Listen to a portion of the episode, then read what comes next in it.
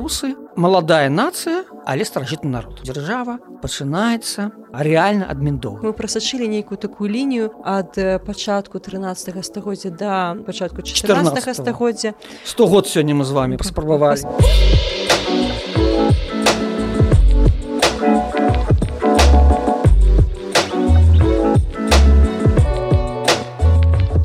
добрый дзень шаноўна гаспадарства добрый дзень шаноўныя сябры. З вами падкаст так склалася гістарычна я дзе Ганна сёння у нас у гасцях гісторык кандыдат гістарычных навук дацэнт олег иванович дзярнович добрый дзень добрый дзень вітаю усіх вельмі прыемна што вас атрымалася сёння да нас прыйсці раскажыце колькі словаў можа быць на чым вы спецыялізуецеся мяне можна назваць такім гістарычным туаністам то бок я сапраўды займаюся гісторыі великкага княства літоўскага. Раней моя увага скіроўвалась так пераважна 16 стагоддзя.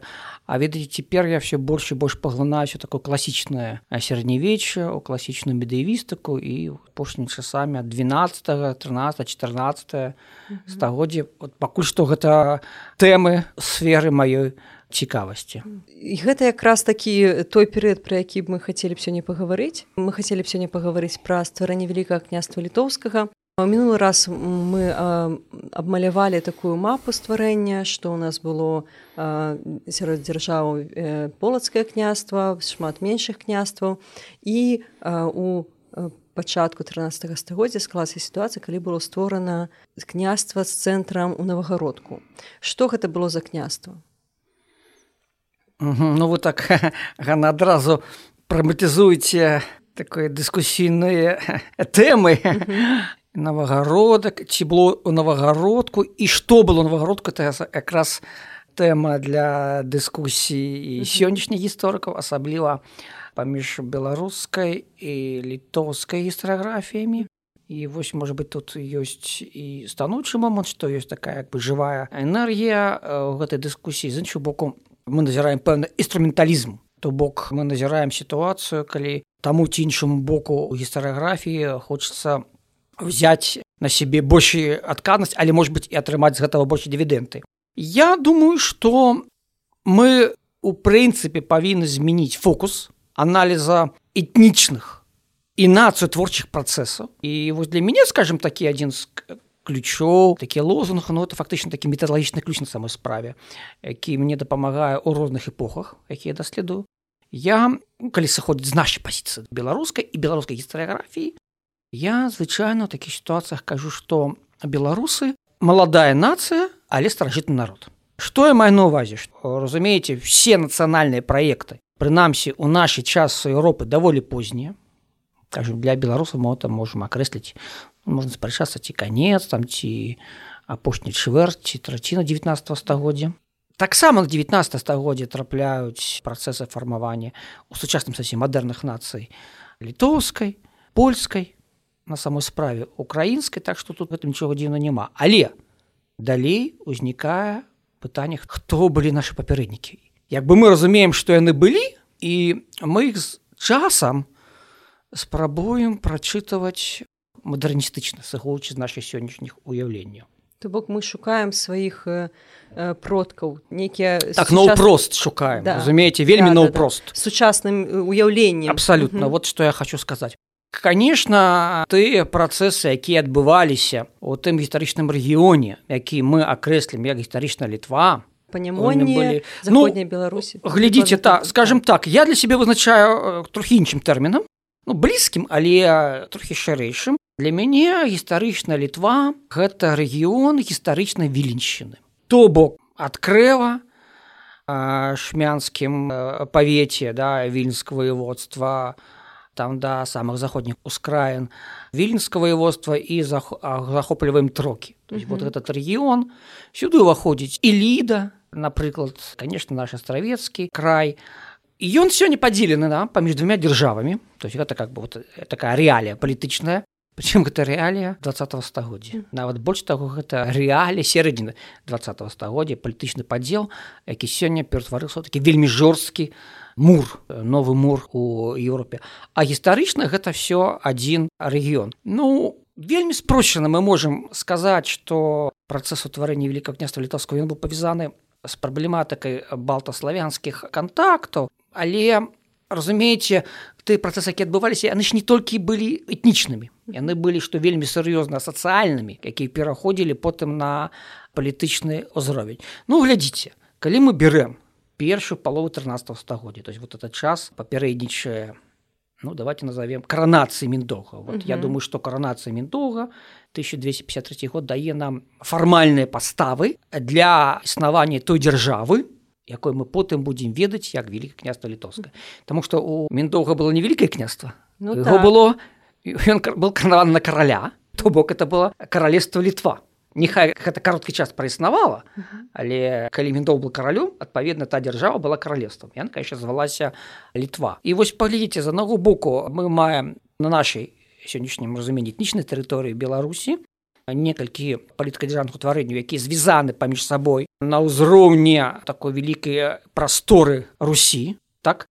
Там што конечно як дзяржавы Русь яна існавала вельмі кароткі час маецца навазе дынастычная так? Але э, прастора канфесійнай палітычна засталася mm -hmm. так? То бок мы маем полацкае княства альбо полская земля калі так ужо дакладна казаць так карэктна таму што она ўключала ведаеце фактычна некалькі княства там куменскае княства это частка полскай землі так? А як бы полскі князь галоўны на раёне а з іншых боку мы маем турускую землю якая досыць рана потрапіла у арбіту кійскай дамінацыі і ўвогуле была нават такая практыка калі кійскі князі прысылалі сваіх сыноў старэйшых на турускі э, стол. Ну то як бы такая практыка. Mm -hmm. вот, практыкавацца у далейшым э, кіраванні. І вось разумееце уваходзіць у нашы падручнікі такая тэза.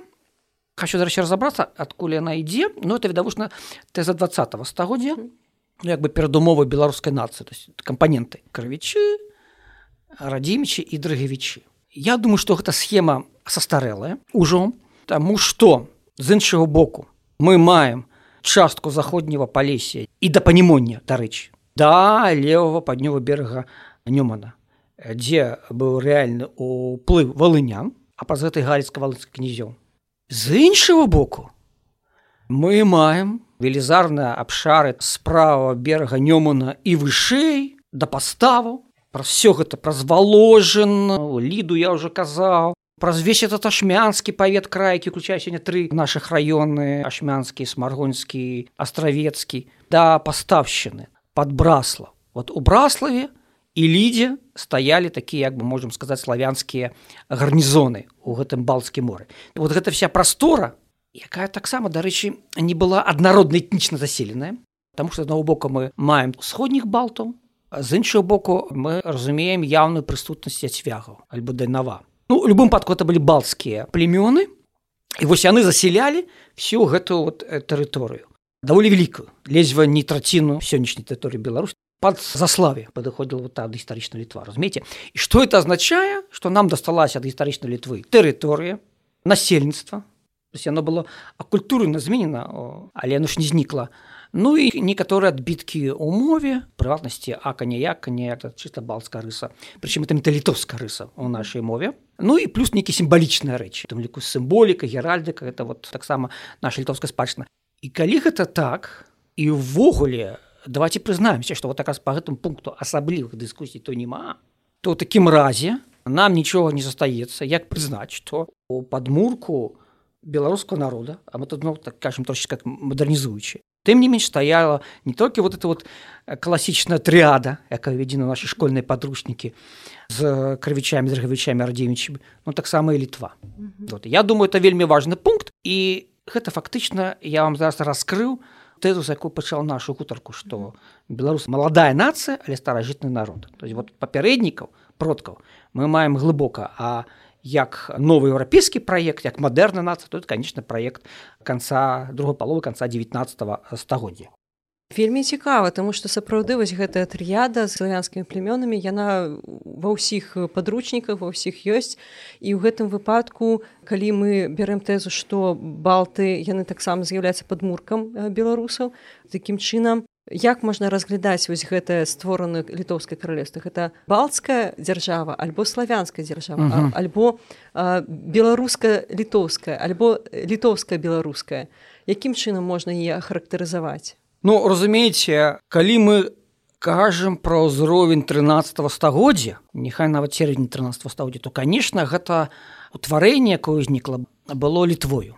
Ужо гедымін ён будзе ў сваіх актах пісацца як рэкс літуане от русія то есть кароль літоўцаў і русі альбо літвы русі ну розныя формы могуць быць і ў гэтым ёсць такі акцэнт все ж такі не толькі этнаканфесійны але палітычны тому что ну не было такой дзяржавы цельнай тым больш на 13 стагоддзя ну, але была прастора прастора дзе княства пераходзілі у рамках вялікай такой карпорацыі рускіх князёў такая скажем посткандынаўская карпорацыя якая ўласна відаць і прынесла нам назву. Гэта русь році Ну я думаю вы про гэта ўжо размаўлялі да, так? да, да, вот это вельмі важная тэма што нават той жрусь мы можемм по-рознаму оказывается да разумець з іншого боку ёсць прастора з такой як бы неакрэсленай палітычнай і сацыяльнай структурай Ну давайте пакуль што я умоўна назовем літва хотя это былі балцкія землі і не все яны адносілись да літвы в узкім сэнсе яе цвяжскія паселішча яны не адразу сталі ўспрымацца як літоўскімі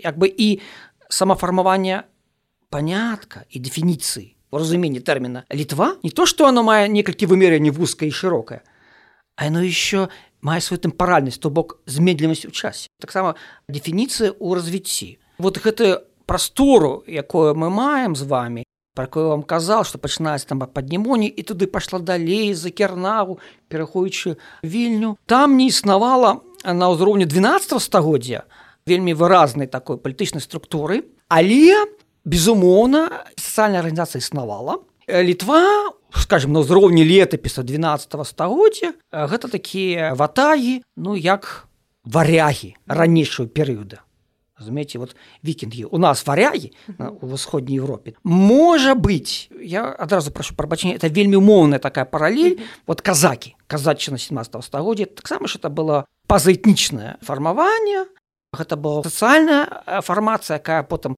набыла нейкія палітычныя рысы з гетманатам так вот склалася што асноўная маса была з украінскіх земель. І ўрэшце рэч это стала як бы такой частка украінскай гісторыі вот то ж самае тут. Падобна што вот та літва ну скажем конца 12 стагоддзя пачатку 13 стагоддзя не была настолькі этнічным сэнсе акрэсленая Хаця конечно гэта былі паганцы язычнікі з аднаго боку. Ну з іншого боку гэта былі такія скажем аб'яднання якія здійснялі свае рэйды па рускіх летапісах літва вядома менавіта як такія ватагі разбойнікаў якія там да пскова даходзілі разумееце селам ладгалам ім даставалася асабліва калі пачалася ўжо нямецкая каланізацыя інфлянту лівоні там у них таксама такі драматычны падзел паміж гэтымі племянамі пайшоў так што Латвія таксама вельмі вельмі познее утварэнне Вось што адбываецца ў 13 стагоддзі. Ёсць нейкі сацыяльны механізм ну арганізм может быть а які заняты атрыманнем прыбыткаў. У той час для сярэднявечча ну ёсць кажа належныя працы ідзе это добра аналізуецца гаспадарка была досыць руцінная не была вельмі прыбытковая. Але існавала два заняткі якія давалі іх прыбыткі. Гэта был гандаль потому что ну у розных рэгіёнах розныя тавары мелі розную вартасць і вот обмен мог ствараць для пэўнага рэгіёна звыш прыбытак Ну, для прыкладу чым маглі так гандляваць? Дома рэчы футра пушніна таму што разумееце я дарэчы это вот адчул не так даўна калі пабачыў як адна дзяўчына хадзіла по холоднаму замку а замкі заўды былі холодныя у радзівіла там толькі вот у спальні і тапілі і она хадзіла по мураванаму замку і на ней была лёгкая вот этот футра э, накінута ёй было цёпла mm -hmm. то есть это на самой справе вельмі функцыянальная да. Воск ну воск атрымлівае паступова значнасць пашэреннем хрысціянства трэба свечкі ну і плюс сам по себе асвятлення метал тал вельмі важна бурштын з балтыйскай тэрыторыі любілі ну так вот слухайте это один від занятка які даваў э, добры прыбытак і наступны занятак рабаўніцтва ну военные то есть вот эти военные выправы. Яны прыносілі адносна лёгкае здабыццё велізарны для таго часу матэрыяльнай каштоўнасцю упрыгожанню металла. Плюс рабы. Палонны ён ператварался рабоў альбо его купляюць альбо як варягі ты ж прадавалі візантыю бо гэты час конечно ведаце рабство у нас існавала практычна вы не поверьте до 16 стагоддзя у нас вот на нашей тэрыторыі іншая рэч што конечно было не антычнае рабство такое прадуктыўнае это было патрыархальнае рабство. Mm -hmm. то есть рабы пры нейкай канкрэтнай сям'і их называли челядь невольная. Челядь невольная, да, есть такой термин, менавіта так вот у наших границах это и называется.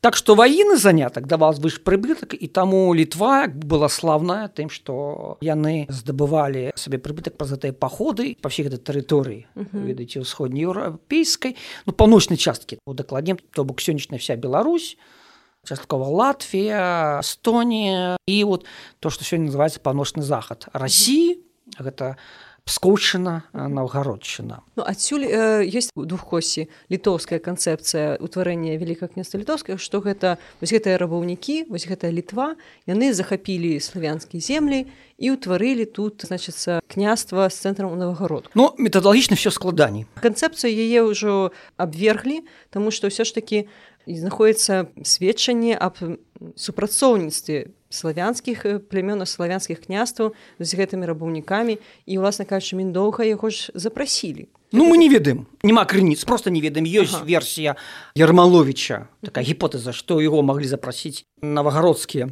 баяры. Але тут вот еще один аспект мне здаецца. Трэба вельмі так выразна пазначыць такой паліталагічна ці дзяржаўна-палітычны разумееце і для таго часу і сёння. Что такое дзяржава гэта усталяванне некага прынцыпа панавання. Потым ну, для больш развітых грамадстваў гэта прынцып права так успрымаецца. У цэнтры увагі палітычная ўлада. Праўда? Ну, так можа быть дзяржаўна палітычная ўлада. Вось і э, безумоўна утварэнне той дзяржавы, якую мы ведаем, все-таки ўжо рэальна з 14 стагоддзя як вялікае княства літоўска але ў 13 стагоддзе ўжо ёсць як бы палітычны некі механізм як арганізм якім ну генеалогіі вот знаходзіцца. Ён быў звязаны з усталяваннем балцкай эліты палітычнага кантролю пэўнай тэрыторыі. Конкретно на пачатку усталявання палітычнага контролю над панімонь ну там ёсць ведаць у літоўскай гістаграфіі есть такая тэза там про літоўскую канфедэрацыю там маецца навазе пагадненне 1219 года якраз з гальцка-валынскімі князямі там пералічваюцца імёны старшых літоўскіх князёў і на базе гэтага выводзіцца тэза пра літоўскую канфедэрацыю но конечно то что мы там зачытаем рэчна не дзяржаўны механізм это не дзяржава то есть прынцыпе па тых прыкметах якія як бы мы бачым можемм казаць што дзяржава пачынаецца рэальна адміндога і пры ім фармуюцца тыя палітычныя механізмы інструменты які дазваляюць нам казаць што існуе ўсё ж такі дзяржава па міндоўгу ну што мы маем? Таксама вельмі не шмат чаго маем але вот этот пункт 1253 год ён вельмі важны і ён сведчыць пра тое што палітычна лады міндога узрастае того ўзроўня калі трэба рабіць самаакрэсленне еўрапейскім маштабе. Мне сувязі з гэтым пытанне мне самой цікава што значыла менавіта прыняцце тытула караля прыняцце каралеўскай кароны хто даваў гэты тытул? Что гэта значыла для міндух навошта яну яму было патрэбна? Чаму ему не, не заставацца было князем? Чаму гэта не перайшло па спадчыне? Чаму гэта так важно было? Давайте хутенька скончу так. э, сюжет па-німонскі таму што вот гэтыя балцкія абшары пра які мы з вами казалі Я все ж таки думаю, што яны на гэты час на 13 стагоддзе мелі ўжо некую такую папярэднія цывілізацыйныя сяродкі. Я бачу некалькі паселішчаў, які мы можем акрэсліць як протагарады, ці ранні гарадскія паселішча, крэва, гальшаны, вільня, кернаў, але такая вельмі важная спецыфіка гэта ідэя скажем моя не такая же давняя. Літаральна 5 год я сфармаваў і працую гэтым кірунку.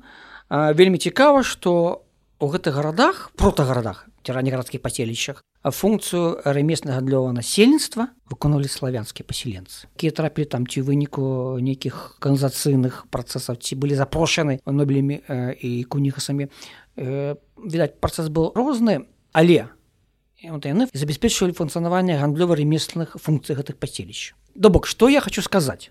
Што калі міндоўг умоўна кажучы падышоў пад навардак ён не мог быць здзіўлены фактам наяўнасці э, такого багатого города Таму што са славянскім насельніцтвам і з хрысціянскім насельніцтвам з рамеснага длём насельніцтвам ён сутыкался і ў сваіх землях. Але конечно масштаб навагрудка мог его ўразіць Таму что вот гэта в прынцыпе было еще адкрыццё кулінградска ну скажем так лінградска там что еще не был час петрограда даследчыцы фрыды давыды гуревич як раскапала на варзе показала там унікальны ўзровень культуры на ўзроўні 12 13 стагоддзя. Міноху мог быць уражаны маштабам. А чаму я про гэта кажу? Я тут не толькі псіхалагічныя аспекты. То есть сапраўды мы мусім прызнаць як бы не вырашаліся наши дыскусіі дзе першая сталіцу моўна кажучы. Я думаю еще про канцэпталізм еще паговоры потому что тут это асобная как бы тэма. Але в любом упадку атрымліваецца что навардак быў самым вялікім самым багатым і самым значным горадам у дзяржаве у каралевстве міндоўга. І фактычна что гэта азначае? Что атрымлецца что вот гэта дзяржава яна ўзнікае на супрацоўніцтве ну можа быть на таким культурным вельмі важно сказать гаспадарчым сімбіозе. Що ж такі розных тэрыторый я маю навазе вот гэта вот літва занемонская і э, гэтыя тэрыторыі якія ведалі і ў заходніх крыцах і очень называется як вот як Русь вот маюцца навазе вот, вот наварычна потым менск вельмі хутка трапляе у арбіту літвы. Притым что менскае княства раней самое как бы выкарыстоўвала літву вырашэнне сваіх амбіцый. Той же глеб менскі так?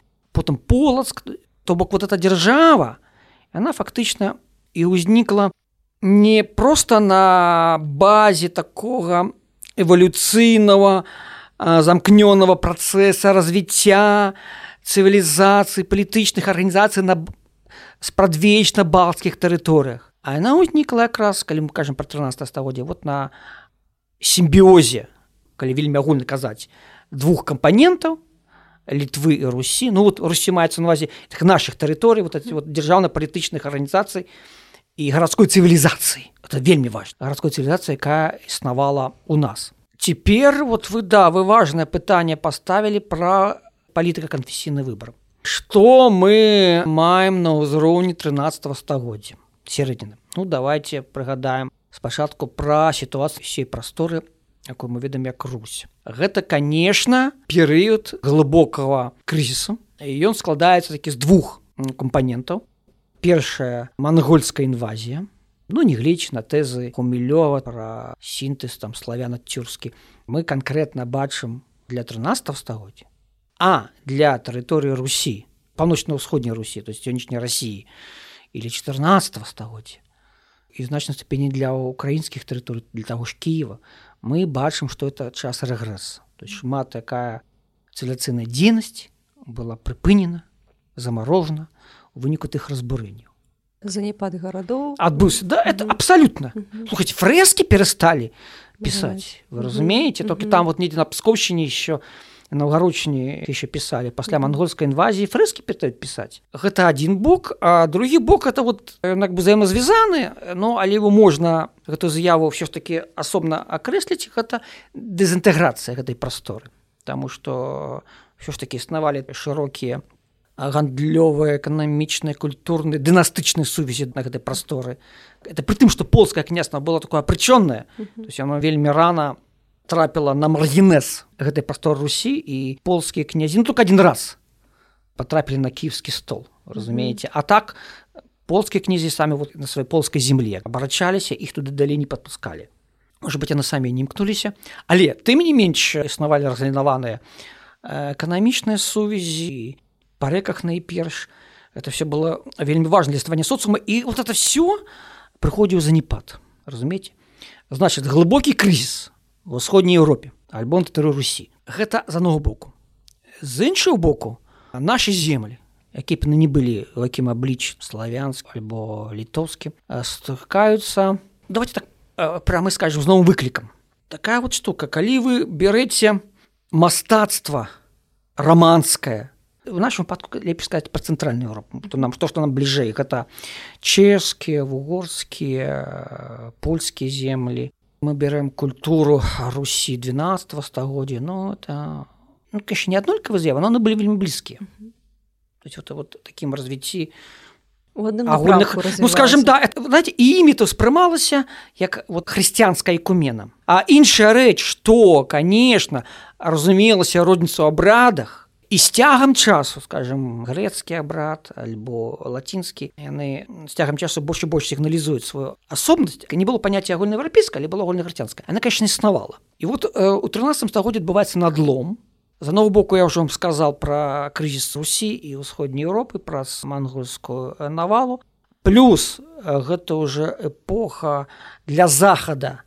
Крыжовых войнаў крыжовых паходаў пярэднюю азію палесціну і на нейкім узроўні развіцця вот эту практыку вайнарытарскіх выправ спрабуюць выкарыстаць найперш германскія уладныя князі выкарыстаць вот на усходзе Еўропы а канкрэтна вот эту паднёву усходнюю збярэжжа балтыйскага мора і пачынаецца нямецкая каланізацыя гэтых тэрыторый калі ў прусі это просто канкрэтна орденскі механізм нямецкі орден дзейнічае то у інфлянтах у лівоне мы маем канфедэрацыю бо там ёсць і орденскія арганізацыі і царкоўныя структуры рымскай царквы якія фактычна тварылі там вот канфедэрацыю лівонскую як мы сёння разумеем. 13годдзя надзвычай важна для гісторыі Еўропы у якім сэнсе прынцыпе мы пачынаем адлічваць вот эту цывілізацыю сучасную фактычна а 13 стагоддзя бо до гэтага это был такі вельмі бедны. Не то что занятпана но бедны рэгіён. Слухайте германія альбо францу параўнанні з візантыі mm -hmm. ну ладно еще італія да? А з візантыі з мегаполісам кантинополем та дзейсная гарадская цывілізацыя. А гэта аграрная цывілізацыі вось наступае перыяд 13 стагоддзя. Гэта вельмі цікавы перыяд у гісторыі Еўропы. і вот эти базовые рысы значит пашырення універсітэтаў самакіравання гарадоў тварэнне карпорацыі ну вот эти вот самакіруемых э, сацыяльных інстытутаў это все з'явы масавыя ў 13 стагоддзе Еўропа набывае новае аблічча зразумела калі ўзнікае такія новыя якасці то гэта вельмі агрэсіўная з'ява ну вельмі агрэсіўна у сэнсе імпульсасці да? То есть вот гэтыя прасторы ўплыву пашыраецца и вот эти вот механизмы и институты привносятся на іншай тэрыторыі это то что сказал вам концепт выклика то есть выклик гэта не то что пагроза это выклик менавіта это складаний потому что выклик это такая штука цивилизацыйная а пагроза она может быть и мілітарная тут уже хто як справится Ну да звычайна у падручніках піша што вось было дзве пагрозы ад манголатару і ад крыжаку і таму э, так як было большее ціхае месца такое куды ні адныя ні другія не даходзілі таму вось у гэтым ціхім месцы стварылася будучы вялікая літоў да ну выклік для манголу далекавата хаця мы маем пазнейшых крыніцах што яны там лічылі што ім павінна быць падуладная ну прынамсіся Русь. Нават налічылі што і полк там нешта павін плаціць нешта плаціла еще украінскі тэрыторыі то то есть нават вялікія князі літоўскія муцілі былі потым калі яны скажем так цалявалі свой контроль на гэтым украінскімі тэрыторыямі які мы сёння разумею украінскі тэрыторыі паднюварускімі э, насяно мусе былі плаціць даніну ардын ардзе ну каб просто каб захаваць себе ад этих вот нападаў с вот этой вот крыжацкай навалай тут все-таки складаний тому что на пачатку греческие біскупы потом архібіскупы прызнавалі права полацка на все падзвенне і нават прасілі дазвол вот на катэхзіальную дзейнасць на хрост мясцового насельніцтва был такі бы еще перыяд сам канцы 12 стагоддзя але інституцыянальна структурна ведаце вельмі хутка адбывалася і урбанізацыя і усталявання новых сацыяльных адносін а плюс еще святы пасад Рым ну тут еще не было понятка Ватикан. Пазнейшая з'ява по палітычным сэнсе это Рым был. Рым даў доча ордену то что мы ведаем титовскі орден еще по лацінскай назве. Даў ему гандлёвы прывілі які пазбаўлялі ад мыта у гандлі беспошліны гандль уяўляць себе наколькі гэта вядзе да развіцця багацця гэтых новых арганізацый і вот вы разумееце вот узнікае гэта дзяржава літва як дзяржава з уключэннем багатых панімонскіх тэрыторый найперш того же навартка да то там она і ўзнікла там она акрэсліваецца афармляецца як дзяржава пасля гэтага працэса і за нову боку яна мае па суседства крызіс русі і мангольскую пагрозу з іншы боку Оке можна сказать крыжарскую пагрозу тому что ну реально как бы ж таки мелі мэту там хрысціць насельніцтва паганскае гэта было ідэалагічным абрунтаваннем прысутнасці царкона-ордэнскіх арганізацый у паўднёвай балты што ў прусі што ў лівоніі то есть гэта вот менавіта абрунтоўвалась неабходнасцю хроста паганскага насельніцтва безумоўна там еще узнікае праблема за теми русінамі ну каталіцкая царква такая больш жмуткая я вам хочу сказаць что русіны конечно ніякім разе не былі ірцікамі для каталіцкай царквы яны былі схізматыкамі схізматикамі что такое схізматык раскольнік то есть яны не прызнаюць вяршэнства папы рымского ну але все вот катальская царква прызнае іх кажем сакраменты э, хрост прызнае так что тут пазіцыя была больш жнутка але хросязычнікаў безумоўна стаял на парадку дня і от давайте задумся якой сітуацыі пынаецца гэта новая дзяржава у прыватнасці міндоў да конкретно. Да, да, да, да, да, да. Які паганец ну знаете палітычная эліта літвы прынамсі з 13 стагоддзя мы это можем сцвярджаць вельмі функцыянальна вельмі інструментальна глядзела на пытанне веры. Яны маглі ее змяняць захоўваючы з палітычных меркаванняў. Мы ведаем што ў пазнейшы уже час ну это 14 стагоддзя шмат які гедеміновичі прымалі хрост паводле ўсходняга абраду грецкага то што мы сёння называлі як праваслаўны тады конечно ну, іншая была тэрмалогія ну таму што яны княжылі на гэтых тэрыторыях разумееце. Але міндоў якраз заклаў традыцыю каталіцкага хроста галавы дынастыі. І разумееце у гэтай сітуацыі крызіса русі наступа нямецкіх ордэнскіх арганізацый інстытутаў але больш сур'ёзны тэма як я ее бачу.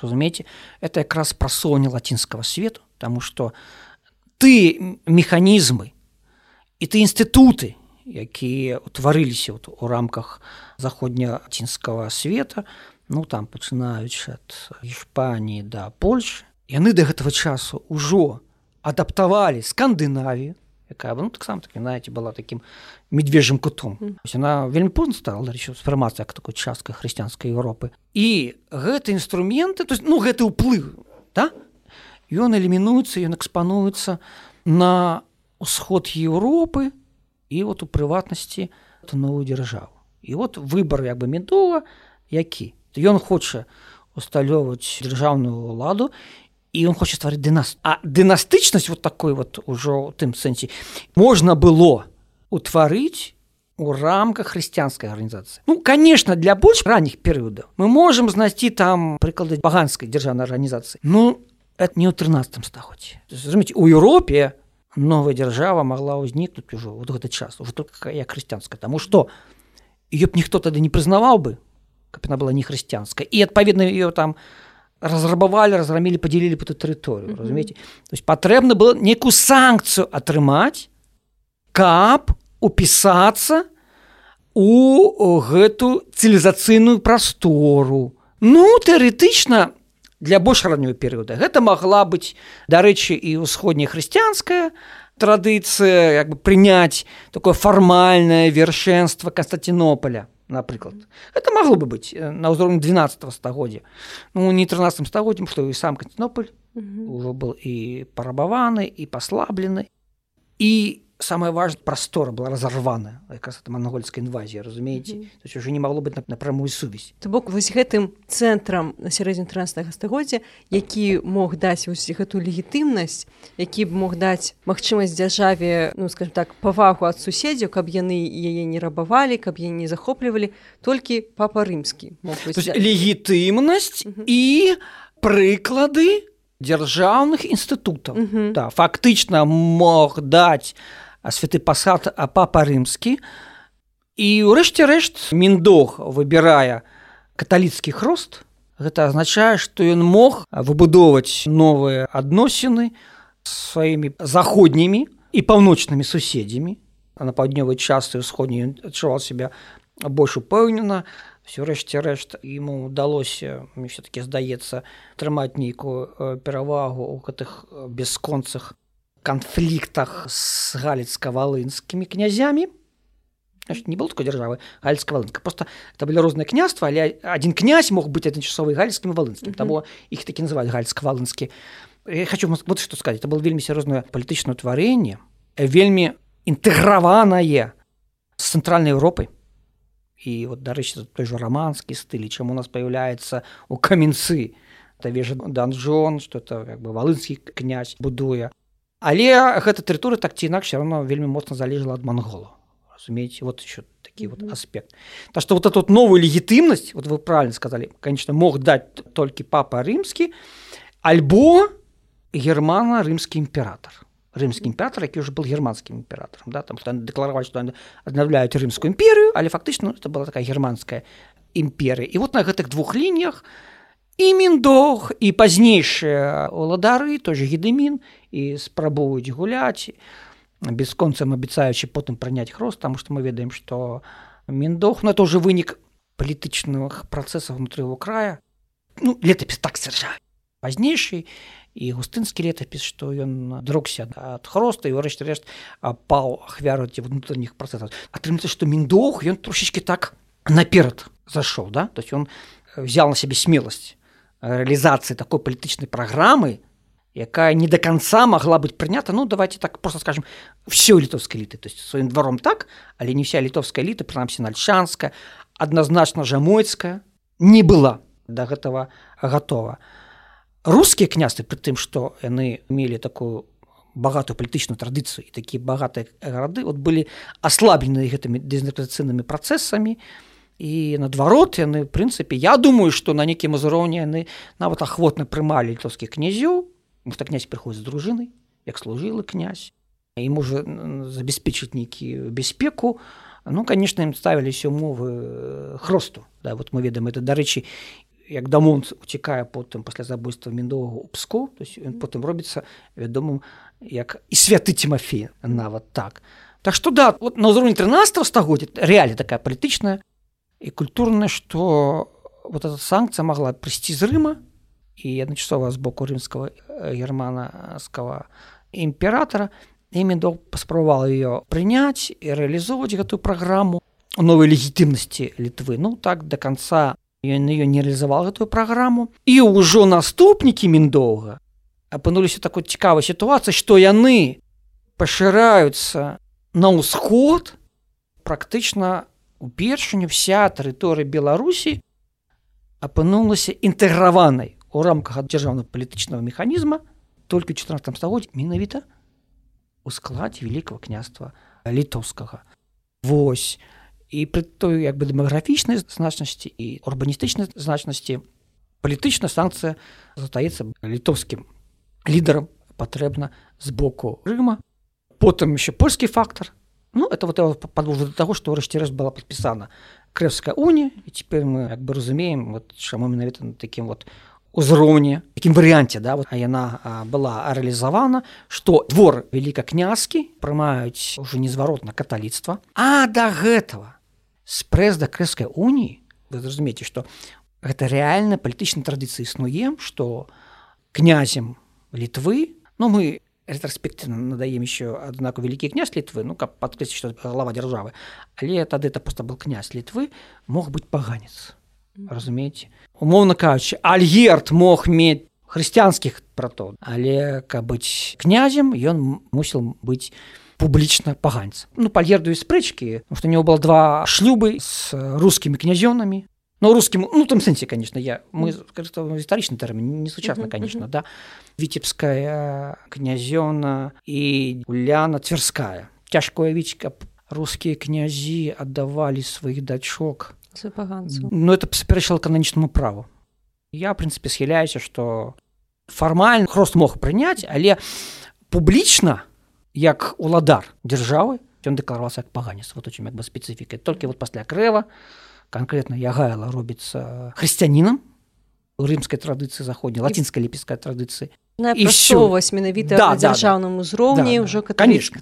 а до этого а колькі это прошло? Да. вы разумееце это прошло больше чем сто год Таму что гэты эксперымент ту практыку паспрабаваў рэалізаваць міндоўг і это прынцыпе на імі скончылась разумееце вот да, потому что вельмі дзіўна сітуацыя вас накажучы дынастыю яму так і не ўдалося і ён был забыты як уладар сем'я проч немцаў он нам жамоть перадаваў літоўскія князі жамотю гандлявалі вельмі цынічна ну у залежнасці ад палітычнай кан'юнктуры захоўваць мір з ордэнам у прусіі альбо шукаць іх падтрымку і вот такой разменнай манеты якраз выступала жамоть ну і дарэчы вот тут узнікае еще тэма про сталічнасць Я думаю на сёння это может быть наш апошні сюжет да, будзе да, давайте да, абмяркуем да, тому что конечно разумееце для такого як бы суворого сярэднявічча тэрмін сталіца не будзе карэктным не было акта які прадвяшчае сталіцу что ёсць ёсць рэзідэнцыі ёсць гаспадарчыя культурныя цэнтры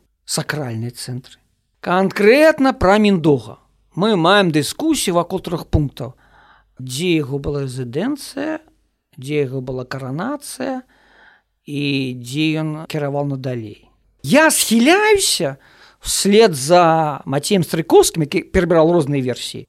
Що ж такі, што міндо хутчэй за ўсё, ну, бачыце, я буду асцярожны, на стопроцентова соткова я вам не скажу но я мяркую потому что мы маем что хутчэй за ўсё міндоў быў каранаваны у наварутку цілі піскаць под наваруткам там что не было як бы такой царквы дзе там тем больш касцёла дзе все маглі б сабрацца это у поле под наваруткам як піша стрыкоўскі і апроч таго навардак як я ўжо вам сказал вышэй был галон таким цивілізацыйно урбаністычным цэнтрам а дзяржавы то літвы міндога так назовем. Значит у літоўскай гістарыяграфіі ёсць тэза пра першую літоўскую сталіцу может быть вы чулі гэту тэзу пра кернаву. Я там бывал неаднаразова это вельмі цікавы фантастычны э, помнік э, лакацыя такая.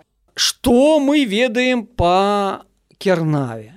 У нямецкіх тэкстах хроніках нападу праходзіць кернава як горад у зямлі тродзеня то есть тродзень гэта адзін з літовскіх князю якраз з конца 13 стагоддзя то есть пасля там забойства міндога прайшло ўжо 30 стагоддзя і вот ён адзін з галоўных князёў гэтай э, дзяржавы і гэта был ягоны горад Мачыма это была его сталіца і вот на этой базе якраз літовская гістарыграфія выбудоввае тэзу пра першую сталічнасць у кернаве. То есть кернава любым падку вельмі важны цэнтр але Ну, калі вы уважліва слухали нашу дыскусію вы бачыце зусім іншая храналогія гэта канец 13 стагоддзя а гэта сярэдні 13 стагоддзя. То бок рэальна супярэчнасці а між гэтымі двумя аб'ектамі няма. Да просто розны час. Ну а потым ужо усталёўваецца ўжо на ўзроўні ментальным летапісным канча сталіцы метраполія у вільні. Да, это уже как бы однозначно прочитывается але повторюся что я может быть буду вельмі асцярожны у выкарыстанне тэрміна сталіца але што гэта найважнейшы цэнтр дзяржавы міндова мне здаецца это беспрэчна добра дзякуй вялікі. Такім чынам вось калі не сталіца то галоўны горад гэта быў хутчэй навагрудак да. ну безумоўна такіх гарадоў у міндоўга больш не было у яго на дзяржаве. А вось а чаму потым сталіцу перанеслі альбо яна перайшла у вільню Ну разумееце навардак был з таким галоўным цэнтрам пры міндоўге міндох не змог стварыць дынастыю і та дынастыя як мы ведаем гедаміначы она уже мела іншую пратапласту то іншае паходжанне і апроч таго та літва на ўзроўні 14 стагоддзя на все-таки вельмі рэзка адрознілася ад літвы 13 стагоддзя як дзяржава маю навазе да. То есть она уже уключила ў себя вельмі шмат беларускіх ну сучасным тэрміне тэрыторый там з полацкам але і вельмі выразна прасунулся далей на паўночны захад уласна балскія тэрыторыі а дынасты была балская і вот вільня была таким трымалася что у цэнтры гэтых даменаў дэнтычного дамена той эліты якая прыйшла да улады плюс вільня реально мела камунікацыйна такое вельмі выгоднае размяшчэнне да. Скажем кона была вельмі значная гандлёвы цэнтр як бы з немцамі. Але адначасова ён падпадае под занадта да, блізка. да занадта блізка. Uh -huh. а вільня все ж таки аддалена туды uh -huh. больш сэрцы гэтага краю. І вільня ты ёсць цэнтрам нават геаграфічным. Вот той літуанія пропря альбо уласна літвы за якой сыходзілі гэтыя дзяржаватворчыя працэсы 13 стагоддзя. Так што пэўным сэнсе вельмі лагічна што стала сталіцай. Але конечно тэоретычна маглі быць трокі. Так гародня наўряд ці все-таки гародня тут mm -hmm. таксама было ведаць вельмі моцна высунута ў бок пусі таксама мінусы ці мог быть навардак надалей выконваць ну вот вот я так вам скажу. Это такі знаете пачынаюцца мадуляванне гістарычна такое да? І оно прынпе мае месца таму что вельмі рэдка працэсы гістарычна адбываюцца вельмі адназначна задаюць нейкі альтэрнатывы я не выключаю што калі б міндоўгу удалося усталяваць сваю дынастыю сапраўды навардак стал бы сталіцы скажем так гэтай новай дзяржавы але новая дынастыя якая прыйшла да ўладу выніку всех гэтых катаклізмаў да, які адбываліся ў літве яна усталявала сталіцу ў вільні як цэнтр сваёй дынастычнай тэрыторыі. Да, дзякую вялікі. Такім чынам мы прасачылі нейкую такую лінію ад пачатку 13 стагоддзя да пачатку 14 стагоддзя. 100 год сёння мы з вами паспрабавалі аналізаваць да, нейкім чынам прасачыць калі вось ад вось гэтых ваенных правадыроў літоўскіх кунігусаў якія займаліся тым што рабавалі і шукалі звыш прыбытак у нас быў такі няма прарока у сваёй адчыне міндоўг які паспрабаваў усталяваць нейкі такі больш сталую дзяржаву. Яго гэта атрымалася не атрымалася але менавіта гэта дала нейкі імпульс да якога з гэтай інстытуты заходнееўрапейскай дзяржаўныя яны ўсё ж такі прывіліся на тэрыторыі гістарычнай літвы. І было створана княства якое потым стала адной з самых вялікіх усходнееўрапейскіх дзяржаваў Ну да безумоў для ўсходняй Еўропы ну, можна да. смел гэты тэзіс выкарыстоўваць. Да, дзякуй вялікі Олег Іванович за размову. На гэтым мы на сёння скончым. Калі ласка слухайце нас на платформах для падкастаў на Apple падкастах, на Google падкастах, на Ютубе, подписывайте на наш нстаграм і будзем радыя вашим лайкам, подпіскам, каментарыям і да новых сустрэч.